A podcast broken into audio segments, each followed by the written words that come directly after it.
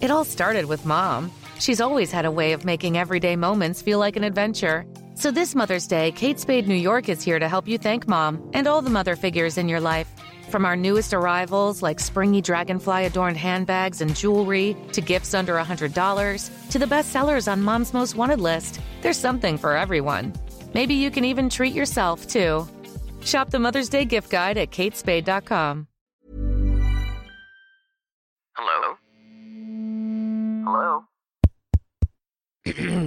Podcast Network Asia.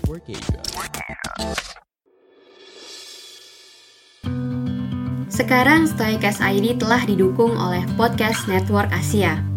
Buat teman-teman yang ingin mempelajari lebih lanjut tentang podcast atau kalian ingin tahu gimana caranya memonetisasi podcast, boleh banget kepoin dan ikutin media sosial Podcast Network Asia atau melalui situs web di podcastnetwork.asia. Dan untuk mempermudah proses monetisasi, daftarkan podcast kalian di podmetrics.co secara gratis.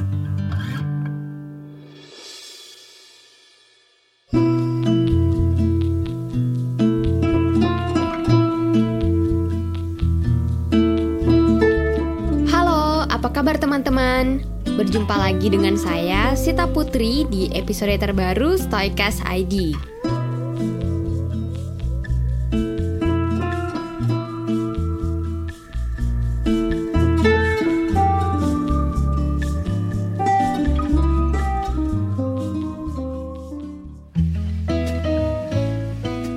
Kamu pernah nggak sih kegocek atau tertipu dengan berita viral yang ada di media sosial? Tertipu di sini artinya kita udah ikut membagikan berita viral ini ke orang lain, baik itu dengan retweet, berkomentar, atau bahkan posting di Instagram Story. Tapi ternyata ada perspektif lain yang kita tuh baru tahu kebenarannya gitu beberapa hari setelah berita ini viral. Kalau pernah, kamu nggak sendirian kok, karena aku juga pernah mengalami hal ini. Nah, di episode kali ini aku ingin membahas trik yang bisa kamu lakukan agar nggak tertipu lagi dengan berita viral yang ada di media sosial. Sebelum kita mulai bahas topik ini, jika teman-teman merasa podcast ini bermanfaat, jangan lupa kasih rating untuk Stoicast ID ya agar podcast ini bisa menjangkau lebih banyak pendengar yang ingin mempelajari tentang filsafat stoikisme.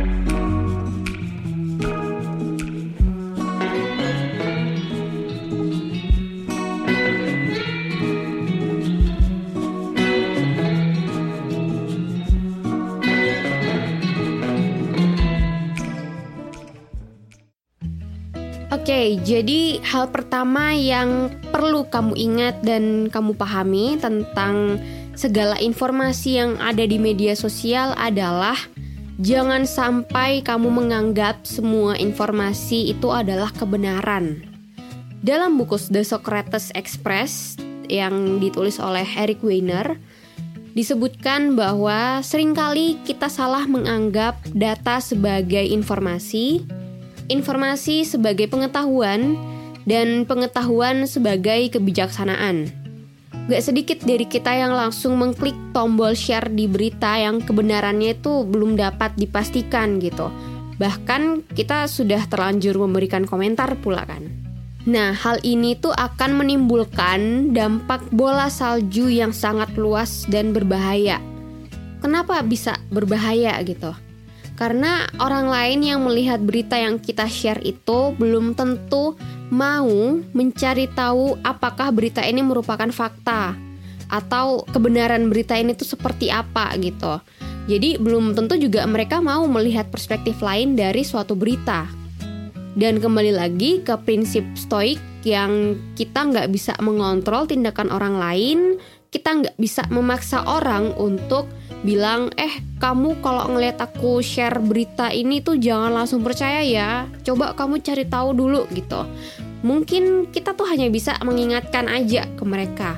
Tapi setelah itu kita nggak akan tahu kan tindakan yang akan orang lain lakukan ini tuh apa? Apakah sesuai dengan keinginan kita atau enggak gitu? Nah, ada satu penelitian tentang bagaimana berita palsu ini lebih cepat menyebar dibandingkan kebenaran atau fakta yang sesungguhnya. Dalam penelitian ini, ternyata berita palsu itu bisa menyebar ke 1000 hingga 100.000 orang dibandingkan kebenaran dari suatu berita yang hanya bisa menyebar kurang dari 1000 orang. Jadi ibaratnya kalau misalnya kita menyebarkan suatu berita yang e, berita ini ternyata berita palsu, dan dia viral, nah itu cepat banget nyebarnya. Tapi ketika kita berusaha untuk mengklarifikasi, memberikan suatu fakta kebenaran dari berita ini, nah berita ini malah menyebar kurang dari seribu orang, nggak nyampe gitu. Lalu gimana nih cara kita mengontrol agar kita tuh nggak bikin berita palsu ini menyebar lebih banyak gitu dan mengurangi dampak buruk yang akan terjadi di media sosial? Aku menyarankan teman-teman untuk mencoba aturan tiga hari atau three days rules. Aturan ini tuh bukan aku yang mencetuskan ya, karena mungkin udah ada orang-orang di luar sana yang menggunakan aturan ini duluan daripada aku. Tapi aku ingin berbagi kepada teman-teman karena aku juga mempraktekkan hal ini gitu. Dengan aturan tiga hari atau three days rules artinya kita dapat memberikan waktu kepada otak kita untuk berpikir lebih kritis dalam mengolah informasi yang kita terima. Kenapa tiga hari? Pertanyaannya, kenapa nggak satu hari, dua hari, atau bahkan tujuh hari gitu? Nah, ini belajar dari pengalamanku. Ternyata berita palsu di media sosial ini tuh sering kali kebenarannya muncul pada hari ketiga. Contohnya, Waktu itu di Twitter ada berita viral yang mengungkapkan bahwa seorang lelaki nggak jadi menikah dan dia mempromosikan gedung tempat melangsungkan pernikahannya untuk dipindah sewa gitu atau disewakan kembali. Nah, dari berita ini itu tuh sudah banyak sekali warga net yang memberikan komentar dukungan dan mereka tuh merasa iba kepadanya. Ternyata dua hari kemudian seorang wanita yang mengaku adalah mantan si laki-laki ini tuh muncul membalas cuitannya tadi dan membeberkan fakta bahwa lelaki ini seorang penipu gitu dan dia itu punya banyak sekali utang. Jadi ternyata ada alasan gitu kenapa laki-laki ini nggak jadi nikah dan alasan ini dibeberkan langsung sama mantannya yang uh, dia dikasih tahu gitu sama temennya. Itu yang pertama alasannya. Yang kedua adalah nggak ada standar yang saklek juga sih sebenarnya kenapa tiga hari kenapa nggak dua aja atau satu gitu. Karena yang pengen aku tekankan di sini adalah yang paling penting itu teman-teman tahu tujuannya itu untuk memberikan otak kita jeda atau waktu untuk berpikir. Dari pembahasan kita di episode kali ini aku ingin menyimpulkan bahwa di zaman dengan pertukaran informasi yang sangat cepat ini kita harus bisa memahami bahwa nggak semua informasi itu mengandung kebenaran dan bisa dianggap sebagai sebuah pengetahuan. Kita harus lebih kritis dalam menanggapi informasi yang diterima, dan salah satunya adalah dengan memberikan waktu kepada otak untuk berpikir menggunakan aturan tiga hari. Oke teman-teman, sekian dulu episode Stoikas ID kali ini.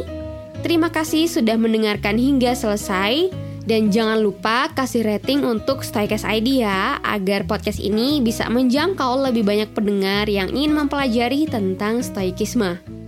Saya Sita Putri pamit, sampai jumpa di episode selanjutnya. Bye!